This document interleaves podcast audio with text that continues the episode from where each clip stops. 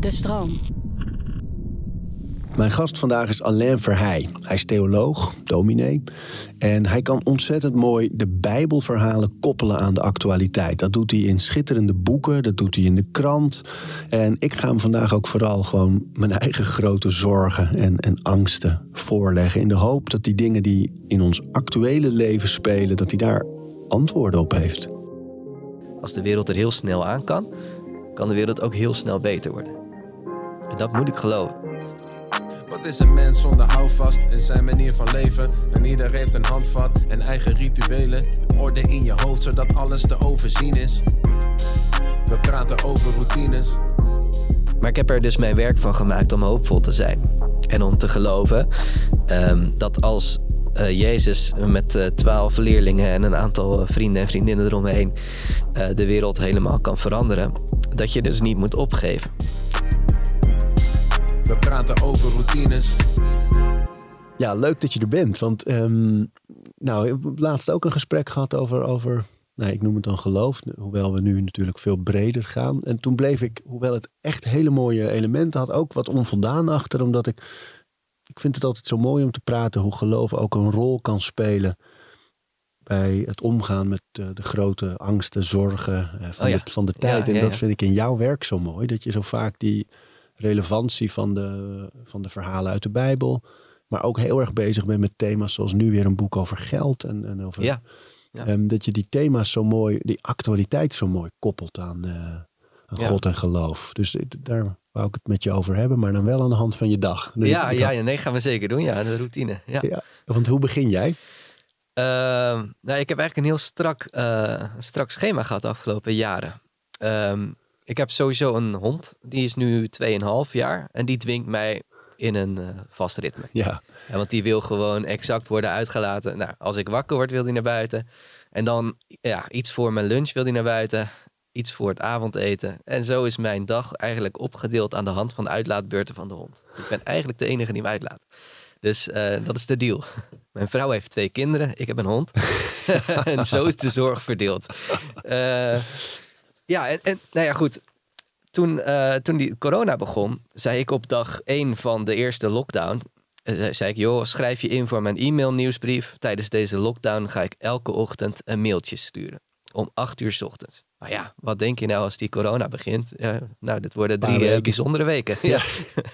Eh, dus eh, ja, die, die eerste weken heb ik elke dag een e-mail gestuurd aan een groep mensen. En het waren er best veel, want het was een tijd die eng was, onzeker. Alle routines vielen weg. Maar je wist zeker, om acht uur 's ochtends krijg ik een mailtje met een ingesproken bericht en een geschreven bericht van Allen. Dus dat was toen mijn routine. Maar goed, ja, uiteindelijk is dat uit de hand gelopen. Dat heeft gewoon twee jaar geduurd. zo. Ik ben er eigenlijk net pas uit. Elke dag. Ja, elke dag. Ja, ja dus ik werd wakker. ehm, en dan ging ik een, eh, de hond uitlaten, ontbijten. Schreef ik die e-mail. Sprak ik hem in. Dan ging ik de hond weer uitlaten. En dan had ik een hele middag over om aan een boek te werken. En zo zag eigenlijk elke dag eh, eruit voor mij tijdens die lockdown. Vond je dat fijn, die vaste routine? Eh, op dat moment was het, het had het iets eentonigs. En dacht je, hoe lang duurt het nog? Eh, en dan vlieg je eruit. En dan zijn die lockdowns over elke zomer. En dan denk je, wie ben ik nou eigenlijk nog? Eh, wat is er nu van Alain over? Nu ik geen vast schema meer heb. Ik was die nieuwsbrief. Zo. Eh, dus eigenlijk mis ik het op dit moment ook nog. Ik heb op dit moment ben ik uit mijn ritme gevlogen doordat ik die nieuwsbrief niet meer heb. Door een goede reden natuurlijk. Hè. Eh, dus ja, wat dat betreft heb ik echt de kracht van routines leren kennen de afgelopen jaren. En ehm, dat schrijven, hè? dus dan heb je de, de hond uitgelaten. Is Ja. dat ook het moment tijdens die wandeling al dat je dan aan het mijmeren bent over wat je gaat schrijven? Of hoe werkt dat bij jou? Ja, precies. De hond uitlaten is inderdaad een moment. Ik moet er wel oppassen dat je niet met je telefoon gaat lopen klooien. Want laten we eerlijk zijn. Aantekeningen. Ja, nee, maar ook gewoon op Twitter gaan zitten kijken. Oh, ja, hè, terwijl ja. ik de hond uitlaat. Eh, want dat gebeurt me ook wel eens. Ik liep laatst buiten met de hond. Toen kwam er een vrouw boos naar me toe. En die zei, oh, de, de telefoon wordt uitgelaten. Toen dacht ik, hey, je hebt een punt. ja. Dat is dan nog een grote reactie. En Ja, vol ja. zelfvertrouwen, want je kan ook boos worden. Ja, nee, ik werd eerst boos. ik zei pas een dag later dat ze een punt had. nee, nee, absoluut. Eh, maar ja, dus dat. eh, en toen dacht ik, nou ja, goed. Hè, maar de hond uitlaten is een moment inderdaad waarop je kunt reflecteren en kunt nadenken. En er was een eh, Lutherse eh dominee, Kash Munk, eh, vorige eeuw. En die is volgens mij in de, in de oorlog omgekomen. En die zei, ehm, er zijn dingen die mensen alleen in hun vrije tijd doen. Hè, dus mijmeren over de zin van het leven, nadenken over leven en dood, diepe gesprekken voeren. En hij zei, en dominee heeft alleen maar vrije tijd. En eh, dat is ook een boekje van dominee Nico Terlinde geworden. Alleen maar vrije tijd heette dat boek. Ehm, en zo ervaar ik het toch wel een klein beetje om fulltime freelance theoloog te zijn. Ehm, ik heb geen vaste agenda. Zo van om negen uur moet ik op kantoor zijn of wat dan ook. Uh, het is mijn werk eigenlijk om fulltime dingen te doen die anderen in hun vrije tijd doen. En dan niet alleen de leuke dingen natuurlijk, maar ook de, de dingen die je nodig hebt en waarvoor, je, waarvoor een ander misschien vakantie neemt of op zondag uh, uh, een uur stil is of mediteert of in de kerk gaat zitten. En zit daar in die ochtend ook bij jou uh, gebed of, of bijbellezen? Of? De Bijbel staat altijd open bij mij. Um, ja, de, mijn vrouw zei dat van de week. Dan gaat Arie over je routines vragen. En dan komt hij erachter dat je geen vast moment hebt om te Bijbel lezen of te bidden. De Bijbel staat altijd open. Dus in een tabblad op mijn laptop en op de telefoon. En er liggen er altijd wel twee, drie open in mijn huis op verschillende kamers. Um, maar ik heb daar geen vaste momenten voor. Uh, toen wel, hè, want toen schreef ik ochtends een nieuwsbrief. Dus had ik dan gewoon daar de Bijbel bij nodig om uh, wat input te zoeken. Uh, en qua gebed, uh, ik bid uh, eigenlijk voornamelijk expliciet als ik ergens heen ga. Dus als ik uh, een lezing heb, een kerkdienst, als ik wat ga schrijven ook. of als ik naar een podcast ga, zoals nu. Ja? ja dan doe ik toch een, maar dat doe ik dan in de bus gewoon. Dan doe ik mijn ogen even dicht. En, dan, en wat bid je dan? bijna altijd hetzelfde. Ehm, ik bid dan bijvoorbeeld... Ehm, God breng mij in het reinen met mezelf, met de ander en met het mens zijn hier op aarde en met u. Dat eigenlijk, en dat bid ik in de kerk ook vaak. Ik uh, hou niet zo van grote omhaal van woorden. Of nou het Onze Vader is, een vast standaard gebed, of zo'n kort dingetje. Um, dat vind ik mooi genoeg. En daar zit alles in voor mij. Mooi. Maar uh, wat bidden doet, hè, um, het wordt wel eens ja, schertsend gezien als een soort Sinterklaas verlanglijstje. Je legt een briefje in je schoen. Dit wil ik allemaal van je hebben. Uh, maar gebed, dat verandert God niet. Het is niet zo uh, dat je zegt van nou, nou weet God precies uh, wat ik van hem wil of haar. En dan komt dat er allemaal aan. maar het is meer dat je jezelf verandert. Dus door te bidden voordat ik ergens naartoe ga of ergens aan begin, stel ik mezelf ook afhankelijk en open op. Niet als wonderlamp. Nee, precies. Zoals je nee. vaak hoort mensen dan bidden dat iemand beter wordt of dat iemand... Ja, ja dat heeft natuurlijk heel problematische kanten. Dat soort gebed. Um, maar bidden aan zich maakt je houding ook gewoon helemaal anders. Open, ontvankelijk en afhankelijk ook. En ik denk dat afhankelijkheid ook wel een belangrijk uh, thema is in onze tijd. Waarin maakbaarheid eigenlijk de norm is. Je moet alles zelf fixen, zelfredzaamheid, hard werken, dan komt het goed. Uh, terwijl de gebed zet een soort afhankelijkheidsgevoel in je open. Je denkt, ja, wacht, er zijn dingen en krachten en uh, persoonlijke, uh, personen en waarden die groter zijn dan ikzelf. Um, daar heb ik mee te dealen. En waarom is dat belangrijk? Um, omdat uiteindelijk, um, dat is het, het ironische, je maakt jezelf kleiner als je bidt. Ja, want je bent, niet, uh, je bent niet degene die op de troon zit. Jij bent niet degene die alles moet, moet, mag en moet redden. en door jezelf kleiner te maken, ben je ook genadiger voor jezelf. Want in een land, en ik denk dat dat wel de teneur is van ons land van de afgelopen nou, decennia, een neoliberaal systeem, dat zegt wie hard werkt, wordt beloond. Als je goed je best doet, kun je jezelf overal invechten. En dat klinkt heel dapper en hoopvol, maar er zijn heel veel mensen die het niet lukt. Of ze werken wel hard, maar ze komen niet waar ze willen komen. Of ze kunnen niet hard werken omdat ze ziek zijn, een beperking hebben of wat dan ook. En dan wordt het ineens heel genadeloos om te zeggen: hard werken wordt beloond. Um, en die houding, dat, dat neoliberale zal ik het maar noemen, van je moet jezelf permanent ontwikkelen, je kunt het maken, uh, dat wordt getackeld door bijvoorbeeld gebed en andere facetten van het geloof, waar misschien nog wel op komen. Um, en van spiritualiteit aan zich. Um, en dat maakt het iets heel dwars, maar ook iets heel genadigs. Want ik hoef het ook allemaal niet alleen te doen. Ik hoef het niet te redden.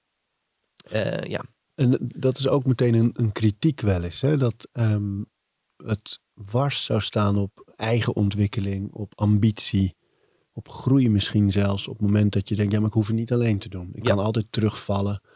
Het hoeft niet zo nodig. De noodzaak en urgentie wordt een beetje weggeduwd, lijkt het. Dat is dan de kritiek. Ja, dat is een, uh, dat is een goed punt. En dat is ook een reëel, reëel gevaar. Als je bijvoorbeeld over, als je in bepaalde christelijke kringen komt en je begint over klimaatverandering, dan denken ze, ja, maar ja, God maakt wel een nieuwe wereld. We hoeven allemaal niks aan te doen. Oh. Dat is niet ons probleem.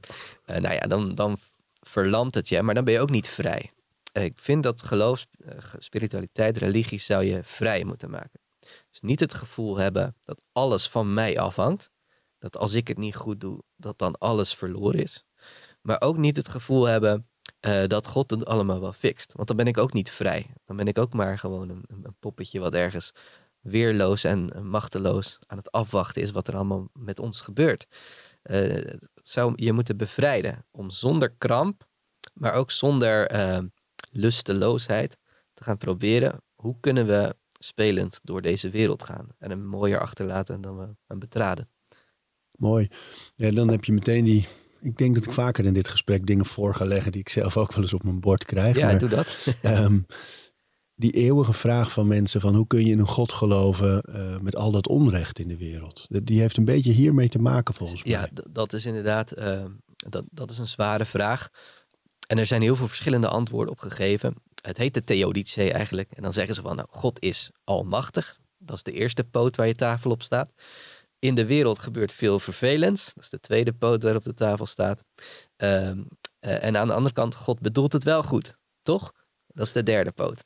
En als je aan een van die poten zaagt, stort je tafel in. En dus je wereldbeeld. Dus zeggen, hoe kan een goede en almachtige God werken met een wereld die kwaad is? En heel lang hebben heel veel theologen geprobeerd dat te beantwoorden. En dat hebben ze tot redelijke tevredenheid kunnen doen. Door bijvoorbeeld te zeggen van, uh, nou ja, God heeft er een veel groter plan mee met al dat kwaad wat er gebeurt. Als je het hele plaatje zou zien, dan zou het allemaal nog wel meevallen. Uh, dat zou, die, zou je kunnen zeggen. Hè? Zijn wegen gaan de onze te boven. Um, maar uiteindelijk zijn alle antwoorden voor het gevoel van veel hedendaagse gelovigen failliet gegaan tijdens de Tweede Wereldoorlog. Dat kwaad wat daar gebeurde was zo enorm groot uh, dat je niet meer kunt aankomen met, ja, weet je, die paar miljoen, dat had God ervoor over omdat hij een mooier plan had. Dat nee, houdt gewoon. De vlieger gaat niet meer op.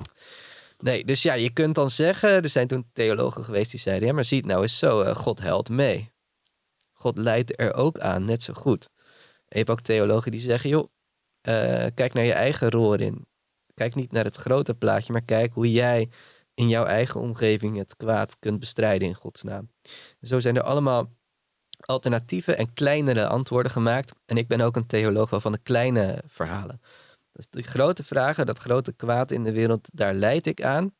Um, en ik denk er soms aan, elk jaar als ik Pasen vier, dan vier ik eigenlijk dat er een vent van 33 in de kracht van je leven, hij kon goed praten, dat hij zich weerloos liet slachten, aan een kruis liet hangen. Uh, en dat dat het beste portret van God was, dat verhaal. En dan denk ik, nou ja, goed, dan moet ik het blijkbaar. Misschien hebben we God al die tijd veel te groot gemaakt. Door hem almachtig op een wolk te laten zitten. Uh, en te denken dat hij alle touwtjes in handen had. Want Jezus liet juist alle touwtjes zo uit handen vallen. Verdedigde zichzelf niet, niet met zwaarden, niet met woorden. Liet zichzelf juist slachtoffer worden van het systeem en van het kwaad. Om zo te laten zien van kijk eens wat er gebeurt. Met, met de weerloze slachtoffers van deze wereld. Let daar goed op. Let op mensen zoals ik. Mooi. Ja, ik, ik, heb ook wel eens een theorie gehoord dat mensen zeiden: ja, van als het inderdaad allemaal voorbestemd was. Dus als die God als een soort poppenspeler boven de wereld hing. En daar met oorlog zaait. En daar met kanker. En daar geboorte en een bruiloft en de dood. Ehm, dan was er inderdaad geen enkele sprake van vrijheid. En, nee. en dan was het misschien nog zoals het misschien ooit in een begin was. Maar nu juist is het die willekeur van de, de nare dingen die kunnen gebeuren. Ja. En het feit dat wij een potje van de wereld kunnen maken ja. als we daarvoor kiezen. Ja. Daar zit wel vrijheid in en eigen verantwoordelijkheid. Dat vond ik ook wel een mooie uitleg. Van dat het in dat opzicht juist een God is die zegt: Hier, jullie verantwoordelijkheid. Leef, doe iets moois. Maar je hebt ook de ruimte om er echt vakzooi van ja, te maken. en dat doen we dan ook. Ja, daar zijn we goed van mee die, bezig. Ja, van die vrijheid hebben we goed gebruik gemaakt. Ja. Nee, inderdaad. En daar zit natuurlijk een les in en daar, daar zit karakterontwikkeling in. Uh, is het allemaal die prijs van die vrijheid waard? Nou ja, blijkbaar.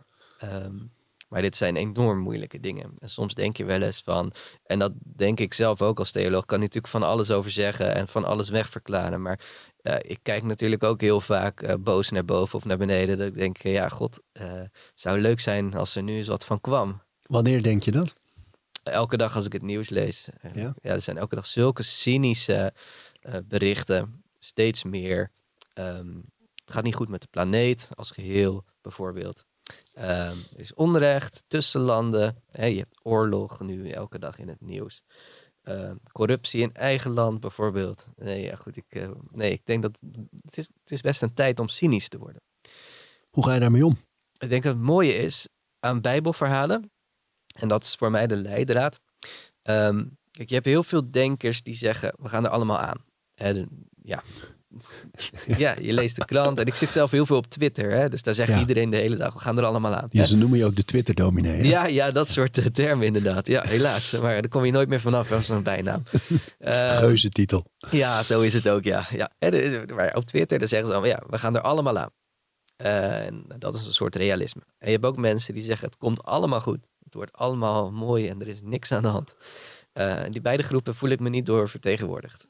Maar ze moeten op een of andere manier samenkomen. En als je in die Bijbelse verhalen leest, bijvoorbeeld, uh, nou, ik noem maar iemand, de profeet Jezaja, die heeft een boek van uh, uh, 66 hoofdstukken geschreven, waarvan de eerste 39 vol met scheldkanonades gaan. Over koningen, over zijn volksgenoten, over andere landen, politiek, onrecht, um, bedriegers. Overal is hij boos over. 39 hoofdstukken lang.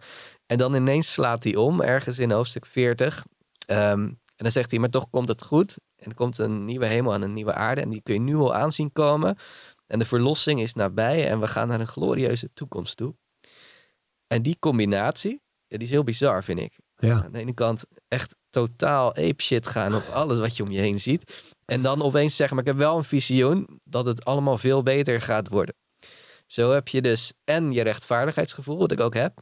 Mijn woede over wat er allemaal gebeurt en wat er is in mezelf en om me heen en uh, op het grote toneel. En tegelijkertijd uh, ga je met die woede een kant op. Um, als je denkt dat het niet meer goed komt, dan heeft het ook geen zin om boos te worden over onrecht. En dan laat je het gewoon gaan en dan denk je, nou, ik, ik, zwem overal tussendoor en ik zorg dat ik zelf een leuk leven heb, ondanks de rotzooi. Doen veel mensen. Ja, dat, dat, precies. En dat is eigenlijk cynisme. Um, cynisme of egoïsme. Of gewoon echt wanhoop. Dat je denkt, ik zie het gewoon niet meer. En dit is het enige wat ik kan doen. Maar dat doet hij niet, Jezaja. Nee, hij blijft maar boos worden. Hij gebruikt alle woorden die hij maar kent. Uh, om iedereen, uh, inclusief de priesters van zijn tijd, verrot te schelden. Um, en daarna denkt hij, nu we dat hebben gedaan, nu we alles benoemd, en nu gaan we ergens naartoe werken. En omdat hij denkt dat het goed komt, kan hij boos worden op wat er nu is. Maar ook omdat hij ziet hoe shit het nu is, kan die hoop hebben. En die, uh, dat is misschien een omgekeerde volgorde, maar dat is denk ik een belangrijke. Als ik zie uh, hoe slecht het is en ik merk bij mezelf hoe boos ik ervan word en ongerust en bang, dan pas kan ik denk ik naar een bepaalde hoop toekomen. Um, omdat je eerst in die put moet hebben gestaard, in die afgrond, om te beseffen welke kant je zeker niet op wil en dus welke kant je wel op wilt en durft. En die combinatie tussen eerlijk het donker uh, durven aanwijzen en aanzien. En tegelijkertijd wel naar het licht wijzen. Dat is voor mij een cruciale combinatie. Die het ook onderscheidt van heel veel andere stromingen. Die of alleen maar naar donker kijken. Of alleen maar naar de zonneschijn. En dat is hoe ik ermee omga. En dus als je dat uh, concreet projecteert eigenlijk op de, op de grote angsten van nu. Hè? Je noemde net al, we maken van de planeet een zootje. Ja. klimaatprobleem. De oorlogen. De dreigende kernoorlog. Ja, zelfs dat. Uh, ja. uh, overpopulatie met alle pandemieën die daaruit voortkomen. Um, hoe, hoe, hoe plaats je dat in dit licht? Waar, waar zit de doemscenario's duidelijk? Ja, de, de, donker, donker, dat kennen we. Ja, maar, maar waar zit die hoop? Ja, die hoop zit er onder andere. Um, we hebben nu net het, Pinksterfeest gevierd. En wat je dan eigenlijk viert is, ik zei net, Jezus die, die laat zichzelf als een lammetje naar de slacht brengen. Die overleeft zijn boodschap niet. Maar die heeft, uh, nou, laten we zeggen, enkele tientallen vrienden om zich heen en vriendinnen. Mensen die goed naar hem hebben geluisterd, met hem hebben geleefd. Uh, en je denkt, het verhaal is afgelopen. Die mensen zijn bang. Die denken wij worden straks ook gekruisigd. Laten we maar een beetje ons kalm houden. Dit wordt niks meer. En dan krijgen ze de geest. Dat is het Pinksterverhaal. En dan durven ze naar buiten te gaan. En dan gaan ze daarmee spelen. En dan nemen ze uiteindelijk het hele Romeinse Rijk over. We hebben er een paar eeuwen voor nodig. Maar toch, het is een stel niet per se hoogopgeleide, niet per se ehm, extra getalenteerde. ehm, gewoon ja, doorsnee mensen zijn het. Jezus roept gewoon een paar mensen waar hij langs loopt. Hey, kom jij maar een paar jaar met me mee en dan ga jij de wereld veranderen. Dat is eigenlijk een lachertje. Maar het gebeurt wel, het lukt wel. Eh, dus de richting geeft hoop. En ik denk dat we daar wel van doordrongen moeten blijven. Dat zie ik als mijn heilige plicht in ieder geval. Om te denken, ja, eh, we kunnen het duister wel zien, maar we moeten ook blijven geloven dat een klein groepje mensen iets kan beginnen, waardoor de richting goed wordt en waardoor ineens alle veranderingen ten goede ook zo snel kunnen gaan. Als de wereld er heel snel aan kan, kan de wereld ook heel snel beter worden. En dat moet ik geloven. Het is niet zo dat ik dat van mezelf doe of zo. Eh, ik zie het als mijn taak. Het is zelfs mijn werk. Eh, ik vind het wel het mooiste werk wat er is. En dat zit dus ook, als we het over routines nog even moeten hebben. Dit heb ik in mijn eigen routine geïntegreerd. Door eh, elke zondag voor te gaan in een kerkdienst. En elke zondag hoop ik die beweging te maken. Dus je hebt een hele week weer gehad. Er is van alles gebeurd. Heb je van alles gelezen en gehoord en, be- en beleefd. En je komt binnen op een moment dat je denkt, nou, ik weet niet eh, waarom ik mijn nest uit ben gekomen voor deze kerkdienst. We zullen het wel weer zien. Eh, en dat wordt dan ook benoemd. In het begin van de dienst heb je een gebed om ontferming. En dan vraag ik eigenlijk altijd, ik noem het een gebed om Gods omhelzing. We hebben eerst even een huk nodig voordat je nieuwe week durft te beginnen. En als we dat hebben gehad, dan gaan we langzaamaan zo naar de hoop toe werken. Als je buiten komt, sta je anders in het leven dan toen je binnenkwam. Elke week. Zo. Ja. Is, dat, is, dat is een routine waar ik mezelf de laatste ja, jaren, sinds ik dit werk doe, ook echt in heb gedwongen. En, en koppel jij zo'n zo'n preek, hè, waar dat, dat dan in samenkomt, Ja. denk ik, in zo'n dienst. Ja. Zo'n kerkdienst is opgebouwd natuurlijk uit ook een soort format. Ja, zeker. De orde van dienst. format. Ja, ja, absoluut. Ja. Maar met, met die preek waar het dan allemaal samenkomt, ehm, ehm, hoe, hoe haal je, waar haal je je onderwerpen vandaan? Eh, daar is een rooster voor. Dat rooster dat zorgt ervoor dat je ongeveer de hele Bijbel in drie jaar doorgaat. Ehm, en dan is het in evenwicht, zodat ik niet elke week hetzelfde verhaal kan ouwehoeren. Hè, want dan noemen ze de 1000 euro preek. Eh, dat je dan elke keer hetzelfde verhaal in verschillende kerken houdt. Dat ik niet. Elke week is het een verse preek. En dat hoort bij mijn routine op maandag. Maandagochtend eh, open ik het rooster. Lees ik welke teksten ik moet doen. En daar ga ik dan de hele week over nadenken. Het zijn dan vaak twee Bijbelverhalen, twee verschillende. En die probeer je bij elkaar te halen. Dat is vaak al een puzzel. Maar ik probeer ze ook bij de week te halen. Bij wat ik heb meegemaakt en wat, je, wat er is gebeurd in die week. Ehm, en elke drie jaar herhaalt zich dat rooster. Dus ik heb al bepaalde combinaties twee, drie keer gehad. Maar de week is zo anders, de actualiteit en wat je meemaakt, hoe je in het leven staat, dat het toch een totaal andere kerkdienst dan wordt. Hoe zorg je ervoor dat je daarvoor open staat? Dus dat je eh, niet leunt op, oké, dus die tekst en dan doe ik altijd dit. Hè, Ja, wat veel eh, sprekers ook doen, ja. van associatie, Ja, mindmaps. ja hoe zeker. zorg je ervoor dat je eh, min of meer dezelfde dingen om de zoveel jaar behandelt? Dat het vers is dat je die actualiteit erin laat en de relevantie die daarbij hoort. Ik ben gestopt met uitschrijven van mijn preken. Oh ja, Ehm, in het begin schreef ik ze dan uit.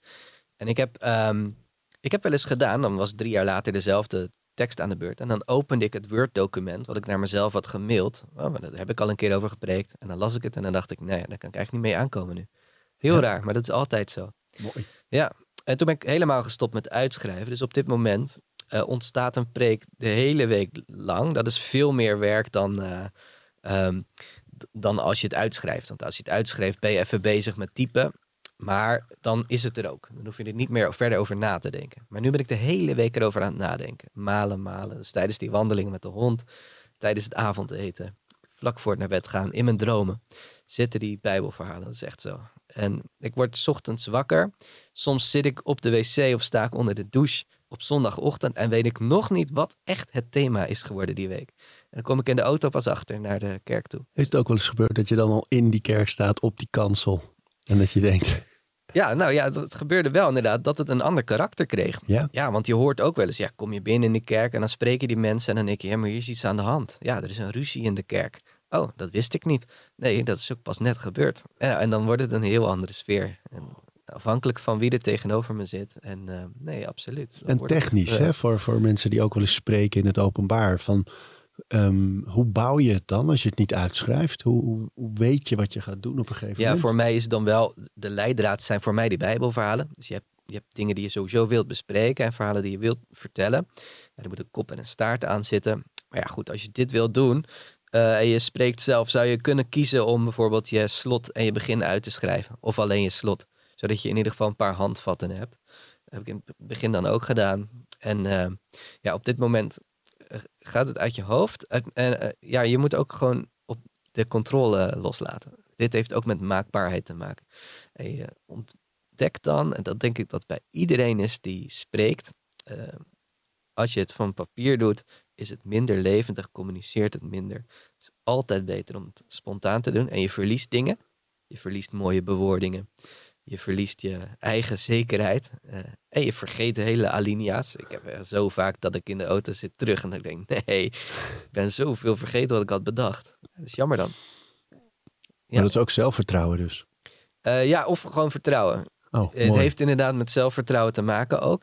Ehm, maar ook gewoon vertrouwen. Maar bedoel je dan ook vertrouwen op God? ja, je kunt inderdaad zeggen vertrouwen op God. In dit, inderdaad, in dit geval zeg ik eh, voordat ik eh, in een kerkdienst voorga, joh, ik hoop dat Gods woord wordt gehoord.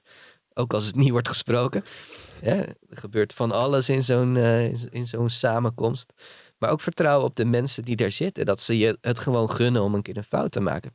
Dat doet toch bijna iedereen wel. Ik ben deze maand gestikt in de zegen aan het eind van de kerkdienst. Ik voelde een kikker in mijn keel. En ik dacht, ik ga het niet redden tot de amen. Tot het laatste woord van de dienst. Dus ik ben hoestend het podium afgelopen. Nou, dan lachen ze allemaal even. En dan ga je een lied zingen. En dat is het dan. En dan denk je, nou ben je daar nou al die jaren bang voor geweest? Ja, Ja, soms moet je die dingen meemaken. ja hè? precies. En het is, je wordt toch ook wel gedragen door de mensen. Dus ook hier weer gaat het erom dat je die maakbaarheid van ja, alles hangt van mijn prestatie af. Dat je die kwijtraakt. Zonder vervolgens achterloos te denken van ik laat het allemaal maar hangen en ik kan toch niks. Nee, juist jezelf vrij voelen vanuit dat vertrouwen. In jouw boeken, en, en sowieso in je, in je preken ook, maar even over de boeken, met name dan God en ik, dat boek. Ja. I- is heel bijzonder hoe jij eigenlijk ons leven koppelt aan die oude verhalen. Dat is een, eh, verwijt natuurlijk vaak van die, die, die religies van de boeken. Eh, dus Ja. niet alleen het christendom, maar ook het jodendom, eh, ook de islam. Zeker, ja. Ehm, daar wordt vaak gezegd, ja, maar dat is allemaal geschreven in een tijdje, alles was anders. Dat is niet meer relevant. ja een Hoe- beetje woestijnreligies. Ja. Ja. Ehm, is daar een antwoord op te formuleren, op dat verwijt? Eh, ja. ja, ik zeg dan ehm, in, in een van die boeken zeg ik van, nou ja goed, we weten, Abraham reed misschien op een kameel en jij rijdt op een fiets. Over dat verschil kun je wel heen stappen. Dat zeg ik tegen mijn lezers. Kom op, hij in de woestijn, jij in een stad. Nou, hè, even dat decor wisselen, maar dat doe je ook als je naar het theater gaat. Weet je wel, een, een decor kun je wisselen, dat kun je aanpassen. Dus dat is het flauwe antwoord wat ik geef. In de kerk zeg ik gewoon, hè, je hebt een gebed voordat je de Bijbel open doet. Ehm, en dat zit standaard in je, in je orde van dienst. En dan zeg ik altijd, ja, want God, het is eh, nogal eh, een oud boek en een boek uit een andere tijd. Dus eh, willen we dat vandaag snappen in Purmerend in 2022, dan moet er een wonder gebeuren. Hoop dat het gebeurt.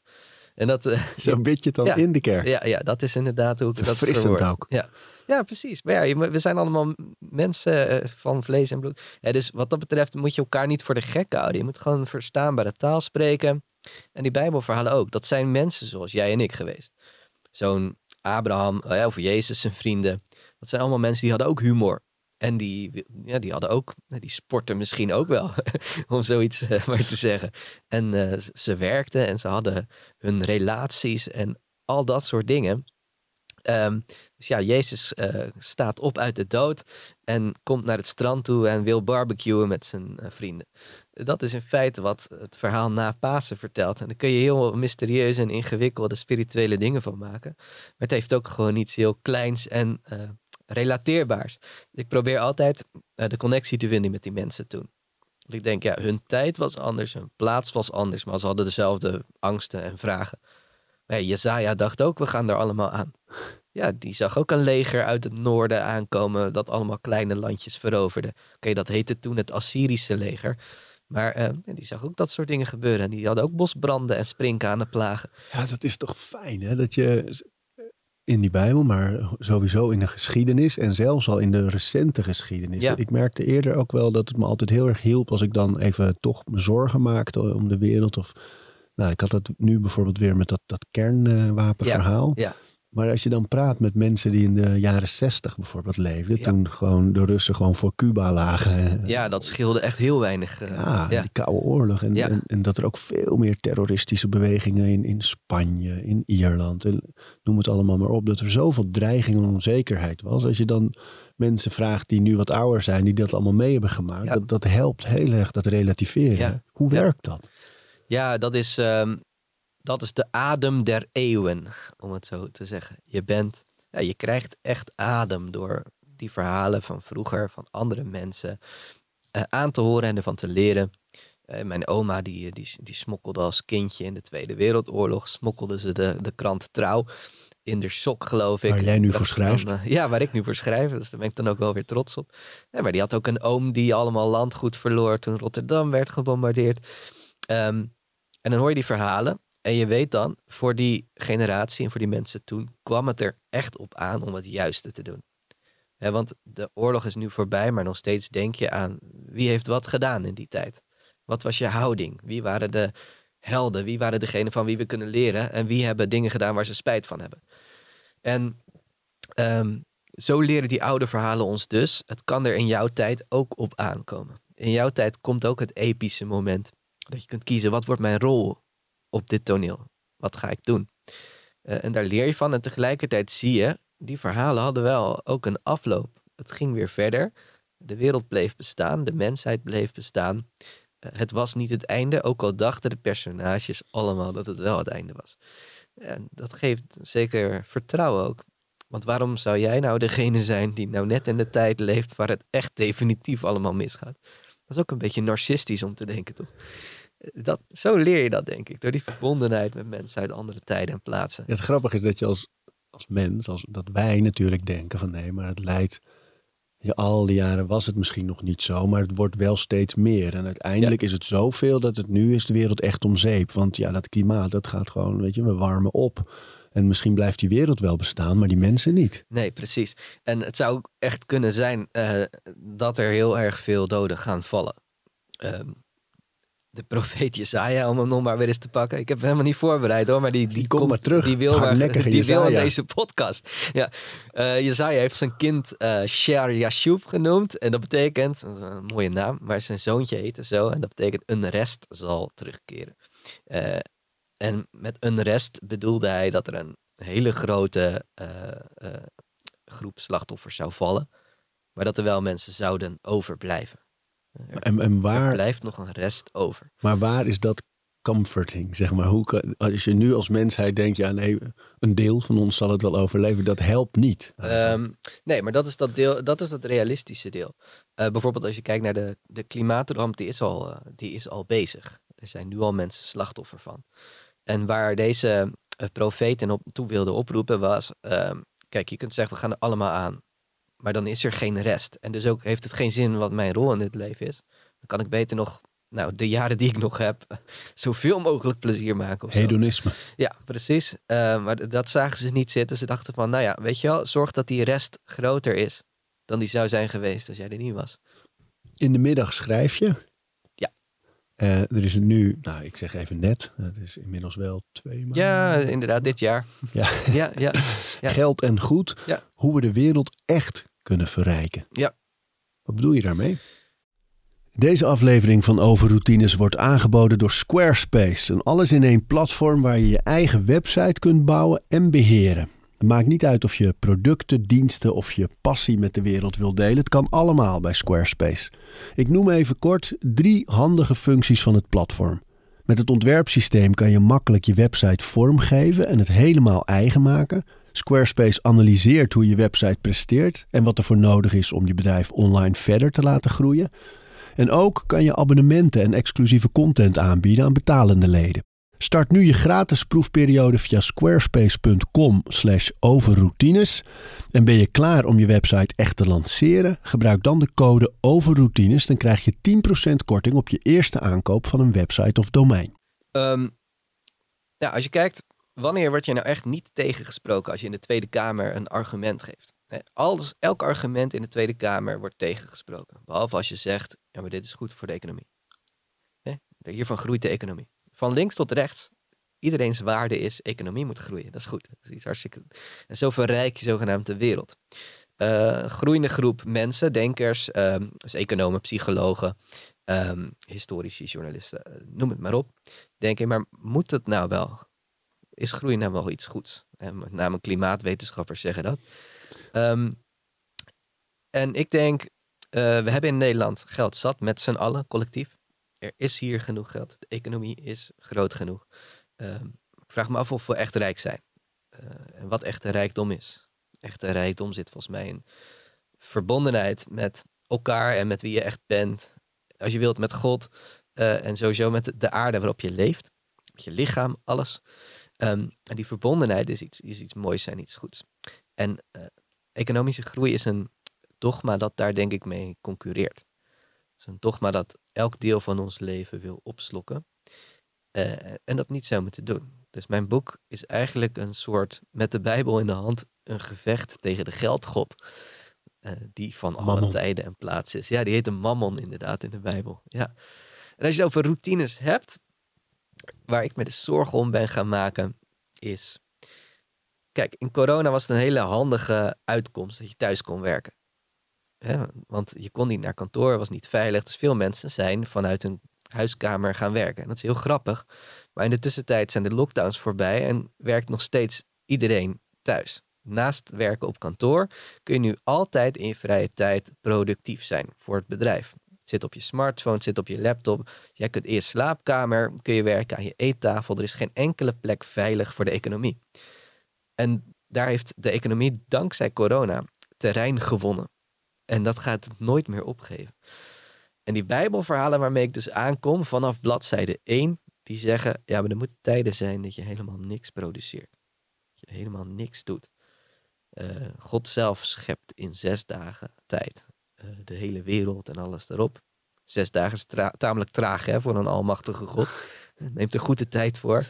Eh, maar op dag zeven doet God helemaal niks. Een beetje ja, een luchtje scheppen. Kijken naar wat er allemaal is. Ja, het ziet er mooi uit. Eh, Ik ben er blij mee. Maar ik produceer nu even een hele dag helemaal niks. En dan zeggen die Bijbelschrijvers, ja, dat is een les voor ons. Dat wij ook regelmatig, bijvoorbeeld één op de zeven dagen, niks moeten doen. En één op de zeven jaar een sabbatical moeten nemen. Eh, dat zijn allemaal Bijbelse normen die heel dwars zijn. Want ze vechten tegen een 24-7-economie. Waarin je constant bezig moet zijn met of consumeren of produceren. En dat is denk ik een gevecht van, eh, van deze tijd. Dat gevoerd moet worden. Als je zo'n boek schrijft, is, is dat vanuit de gedachte ook dat, dat, dat je echt iets kunt veranderen? Dat eh, daar ben ik zelf eh, wat cynisch over. Dat zeg ik ook aan het eind van het boek. Denk van ja, wat, wat kunnen we nou toch veranderen? Wat zit je nou je best te doen? Je weet dat geld, hebzucht, eh, de economie, dat zijn gewoon krachten waar ik natuurlijk helemaal niet tegenop kan. En van alle tijden. Ja, en van alle tijden. Dus je weet al, je bent toch een verloren strijd bezig op een bepaalde manier. Maar ik heb er dus mijn werk van gemaakt om hoopvol te zijn. En om te geloven ehm, dat als Jezus met eh, twaalf leerlingen en een aantal vrienden en vriendinnen eromheen eh, de wereld helemaal kan veranderen, dat je dus niet moet opgeven. Ja, Jezus, eh Jezaja, nog één keer. Eh Jezaja had het, eh, wij hebben het over water naar de zee brengen of een druppel op een gloeiende plaat. Het heeft allemaal geen zin. En Jesaja die had het over een eh, regendruppeltje. Dat valt in de aarde neer. En ehm, dat verdwijnt. Dat ene regendruppeltje, daar gebeurt niks meer mee. Die raak je gewoon kwijt. En dan denk je, nou, dat was een regendruppeltje. Maar hij zegt, ja, dat, dat, dat, ding, dat ding, dat legt een hele reis af. Dat gaat naar beneden, dat bevochtigt de aarde. En daar zitten zaadjes. En uiteindelijk komt er eh, koren omhoog of een gewas. En heb je dus daarvan te eten. Dus dat ene regendruppeltje Waar wij zeggen is een druppel op een gloeiende plaat, zegt Jezaja, nee, één regendruppeltje is cruciaal voor de groei en de bloei van de aarde. Mooi. Kijk daar eens naar. Kies je Oh. metaforen. Dat doet denken aan dat eh, citaat van Jacob Ries. Die, die heeft het over een eh, stonecutter, de steenhouwer. Ja, En die zegt, eh, als hij het echt even niet meer ziet zitten, dan gaat hij naar die steenhouwer en dan gaat hij kijken hoe die steenhouwer slaat Ja. op die steen. 80, 90, 100 keer. Ja. En op een gegeven moment is er een klap die de steen splijt. ja, En dan zegt hij, en dan te weten dat het niet die klap was die de steen spleet, nee. maar al die klappen die Ja. eraan vooraf gingen. Dus een beetje deze hoek van Ja, exact. kleine stapjes. Uiteindelijk draagt het bij. En, maar, maar, maar wat ik me afvraag is van... Is het zo hè, dat je...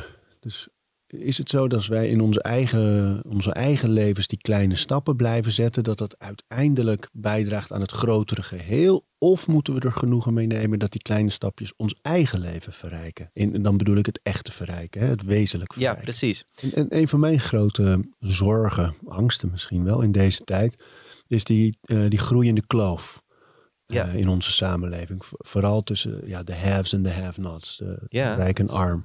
En dat je in de geschiedenis kijkt dat het altijd zo gegaan is dat die kloof op een gegeven moment zo groot wordt dat er chaos ontstaat, of revolutie of oorlog. Ja. In ieder geval gebeurt er dan iets waarna de verandering komt. En die verandering kan ook positief zijn, maar die periode ervoor is meestal niet Is zo een, leuk. is een grote crisis. Ja. Ja, ja, ja, inderdaad. Ehm, eh, ehm, heeft dat hier ook mee te maken? Dat, je, dat dit, hè, dus nadenken over de rol van geld in ons leven, de, de economische drijfveren die ook zoveel kapot maken. Ja. Ehm, dat het daar een beetje met die kloof ook, dat daar iets aan te doen is. Ja, dat zou moeten. Ehm, veel van de Bijbelse richtlijnen die ik dan beschrijf gaan over de kloof. Ehm, bijvoorbeeld eh, het verbod op het eh, opbouwen van schulden in de samenleving. Elke zeven jaar moeten de schulden worden kwijtgescholden. Elke vijftig jaar moeten mensen die hun eh, families die hun land hebben moeten verpanden, moeten hem terugkrijgen. Gewoon zomaar gratis. Slaven moeten worden vrijgelaten na zeven jaar. Dus ehm, wat dat betreft zit er iets heel nivellerends in die eh, Bijbelse richtlijnen. En dat is ook een routine. Hè? Dus elke zeven jaar schulden kwijtschelden, elke zeven jaar slaven eh, vrij, bevrijden, elke vijftig jaar het land terug herverdelen, zodat geen groot grondbezit kan eh, ontstaan. Dat zijn nationale eh, routines eigenlijk, eh, economische routines, waarvan ik denk dat ze belangrijk zouden kunnen zijn om de kloof te dichten. Eh, de kloof die je beschrijft heeft ook met empathie te maken. Hmm. Komen mensen elkaar überhaupt nog tegen uit verschillende groepen? Zien de haves überhaupt nog wel eens een have-not in hun leven? Ehm, behalve dat- het de mensen zijn die voor ze werken. Ehm, heb je er echt contact mee? Eh, dat zijn vragen die gesteld worden. En ehm, ja, vroeger, ik denk dat religie daar vroeger wel een soort verbindende factor in kan zijn geweest. Religie is ook een eh, giftige factor geweest in de samenleving. Maar ook een verbindende in die zin dat eh, bijvoorbeeld in de kerk, ehm, en dat geldt ook voor andere heiligdommen, mensen uit alle lagen van de bevolking zaten. En dat kom je eigenlijk maar weinig tegen. Ik merk gewoon heel goed dat als ik naar eh, een bepaalde bioscoopfilm ga, dan zie ik een bepaald type mens. Als ik naar het theater ga, zie ik een ander bepaald type mens. En op de tennisclub kom je een ander. Hè? Dus overal zitten doelgroepen en bubbels. Eh, en in zo'n kerk zou je idealitair echt alle soorten mensen bij elkaar moeten hebben zitten. Van eh, quote 500 eh, mensen, families. Ehm, ja, tot, tot de havenarbeider en alles ertussenin. Ja, dat is mooi, want die, die plekken zijn veel weggevallen hè, in de samenleving. En ik geloof dat Ja. inderdaad een kerk, een moskee, ehm Ja. synagoge, eh, maar ook, ik, ik heb ook sterk het gevoel dat bijvoorbeeld sportverenigingen en zelfs als je op de juiste manier daarmee bezig bent, sportscholen, ik probeer dat zelf te Ja, doen met precies. Vondelgym, dat, dat dat plekken kunnen zijn waar, waar dat samenkomt. En dan is de uitdaging natuurlijk om te zorgen dat het ook echt samenkomt. En niet alleen in dezelfde ruimte iets doet. Ja. En eh, dat vind ik een moeilijk vraagstuk. Maar ik, ik, ik worstel nu bijvoorbeeld heel erg met de vraag van... als, als dat mijn grote zorg van deze tijd is, hè, die kloof... ja, ehm, hoe kan ik bijvoorbeeld met mijn onderneming ervoor zorgen dat ik eh, daarop inspeel? En, eh, weet je, we hebben bijvoorbeeld een heel mooi project met eh Jeugdsportfonds en met de Stadspas, dat jongeren enigszins kosteloos eigenlijk. De Ja. gemeente betaalt het dan, maar zij Ja. niet. eh, kunnen trainen. Maar dat zou ik voor volwassenen ook willen. Zoiets dat je ergens nadenkt over hoe kun je mensen erbij houden Ja. en erbij halen. Ja, hoe, hoe voorkom je inderdaad doelgroepvorming? En hoe doe je dat bij de kerk? Ehm, dat is in, in, in de kerk is dat ook wel wel lastig geworden hoor. merk ik ook echt wel. ehm, er zijn nog wel echt volkskerken, dus waar, waar iedereen bij elkaar zit. Dat heette vroeger de hervormde kerk. Dat was de, het hele grote gebouw in het midden van je dorp. Eh, maar als ik tegenwoordig in kerken kom, zie je ook nog wel echt dat het bijvoorbeeld heel elitair is. Ehm, of ik heb ook in, in Amsterdam wel eens gepreekt. En er waren er ehm, mensen uit de dakloze gemeenschap. Die zaten aan een aparte tafel bij het koffiedrinken. En die eh, voelden eigenlijk dat er geen contact was met Oh, de mainstream bezoekers van die kerk. En ik als voorganger ging bij beide groepen zitten bij het koffiedrinken. Ehm, maar ik hoorde wel dat daar dan ook echt een kloof speelde. En dan heb je al een kerk waar mensen uit de dakloze community komen überhaupt. Want vaak zie ik ze niet. Ehm, nee, dus dat is ook daar loert dat gevaar weer. En dan moet je proberen om contact en vertrouwen te houden met elkaar. Ehm, en dus voor mijzelf is dat, is dat ook gewoon ontzettend moeilijk. Want ik creëer ook gewoon doelgroepen. Ik heb een keer een ehm, lezing gehouden voor een sociaal, eh, christelijk sociaal congres. En daar vertelde ik dat ik op een middelbare school heb gezeten. Waar alle, alle jongens hadden een, een eh, polo met zo'n krokodilletje erop. Ja, dat kost. Ja. Ja, allemaal hetzelfde.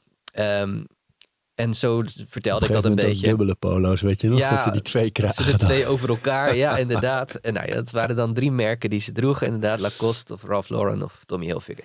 Ja, en, ehm, en ik had dat dan niet. eh, maar ik vertelde daar een beetje over, over die doelgroepvorming. Ehm, en dat was een, nou iedereen vond het een leuk en inspirerend verhaal. Daarna kwam er een man en die werkte ehm, eh, volgens mij in justitie. Ehm, als eh, geestelijk verzorger. En die zei, ja, maar jij moet wel zelf oppassen dat je niet nu alsnog zo'n jongen met zo'n krokodilletje op zijn polo wordt. Toen dacht ik, oh, wacht eens. Hij zei, ja, kom jij überhaupt wel eens eh, bij straatjongeren bijvoorbeeld? Ik zeg, ja, ja dit zijn confronterende en goede vragen.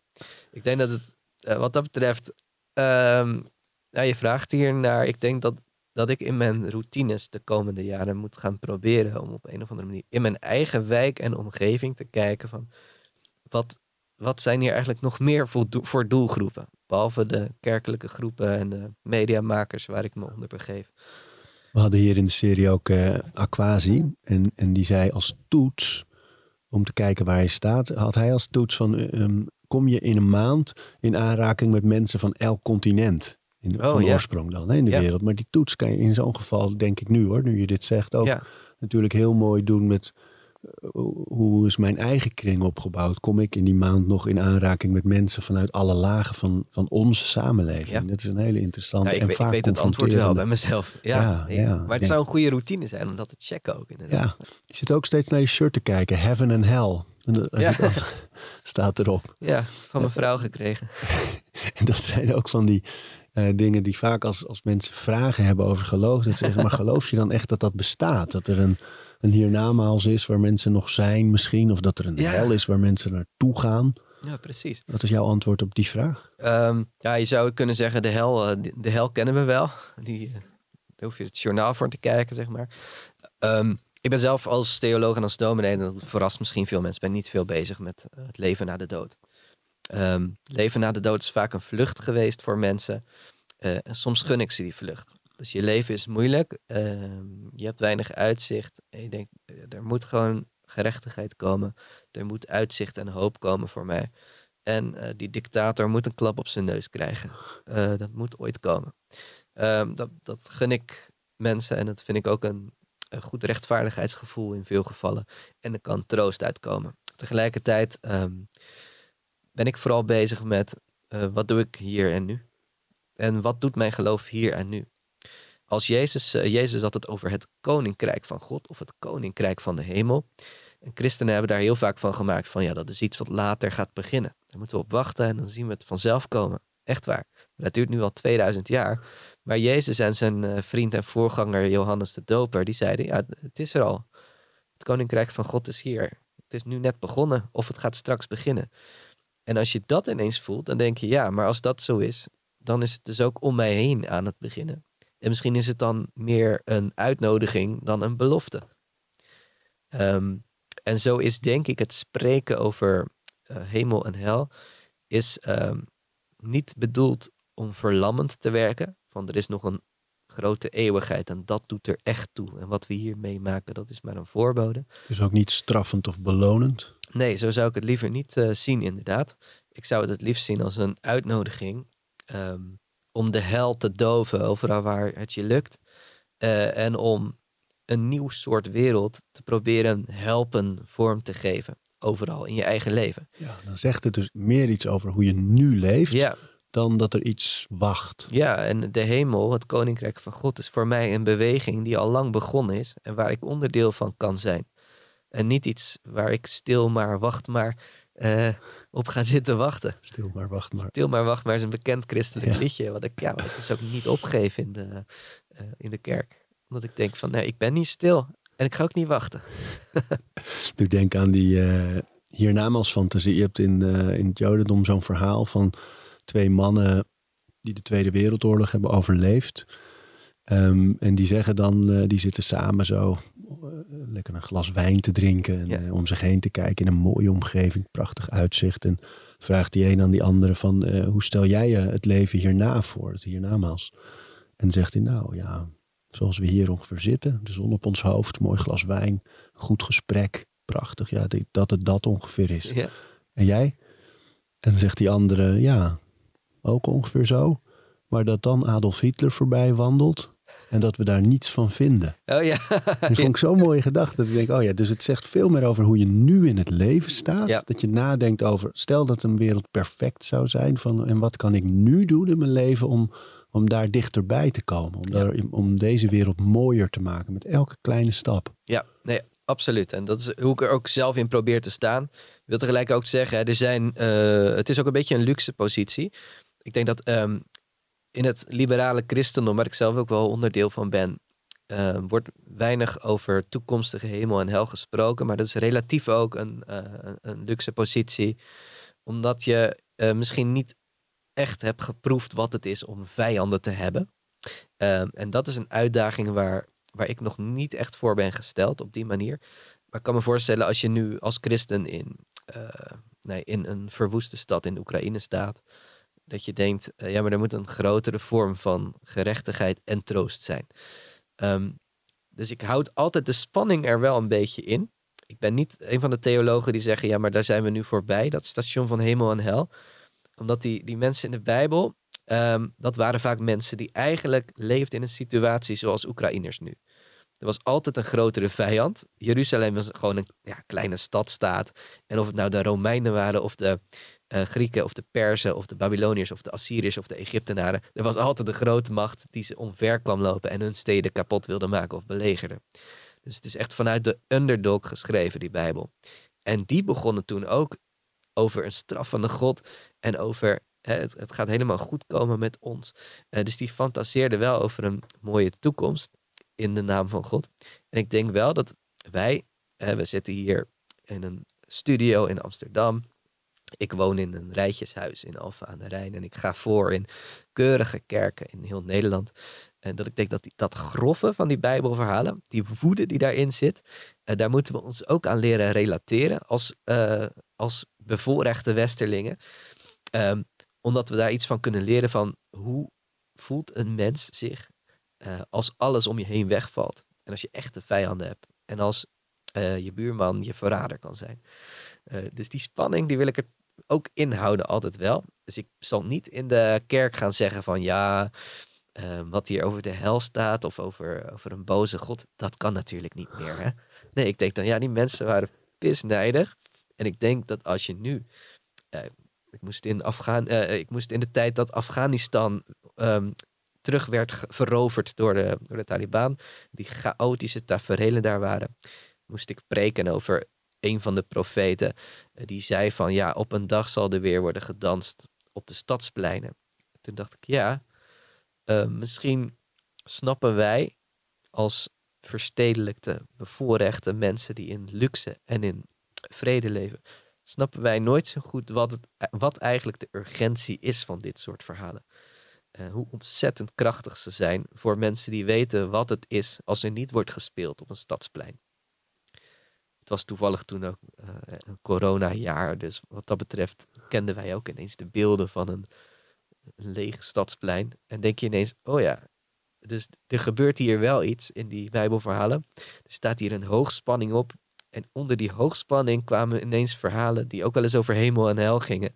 En over vuur uit de hemel. En laat het allemaal eens een keertje uh, afgelopen zijn met die, met die klootzakken die ons komen, uh, komen overnemen. Stel dat iemand luistert en niet is opgegroeid of geen, niet op een school heeft gezeten of niet in de kunsten heeft verdiept, waardoor die verhalen wat bekend zijn. Ja, dat is een Hoe begint iemand? Hoe, als je nou eens een indruk wil krijgen van een verhaal dat nu relevant is. En jij gelooft natuurlijk dat in bijna elk verhaal in die Bijbel iets relevants te vinden is. Maar waar, waar zou je kunnen beginnen? Ja, als je nu echt, uh, als je nu zou willen kennismaken met de Bijbel, heb je misschien toch een soort leeswijzer nodig. Dus zoek een boek, zoek iemand die ze voor je vertelt. Um, en er zijn genoeg boeken, hoef je echt niet alleen die van mij te hebben. Maar het is goed, denk ik, om wel een soort bewerking. Want de Bijbel zelf heeft gewoon steeds meer drempels voor mensen. En er zijn heel veel uitleggen en verfilmingen ook en dingen. Ehm, maar ik denk, ja, nou ja, goed. Voor mij is bijvoorbeeld uh, het Bijbelboek Exodus is belangrijk. Dat begint met een, dat is het tweede Bijbelboek trouwens. Het begint met een volk dat in slavernij leeft. En dat werkt toe naar een grote bevrijding. Uh, en alles wat er tussenin komt, profeten die er tussendoor komen, uh, eigenwijze overheersers.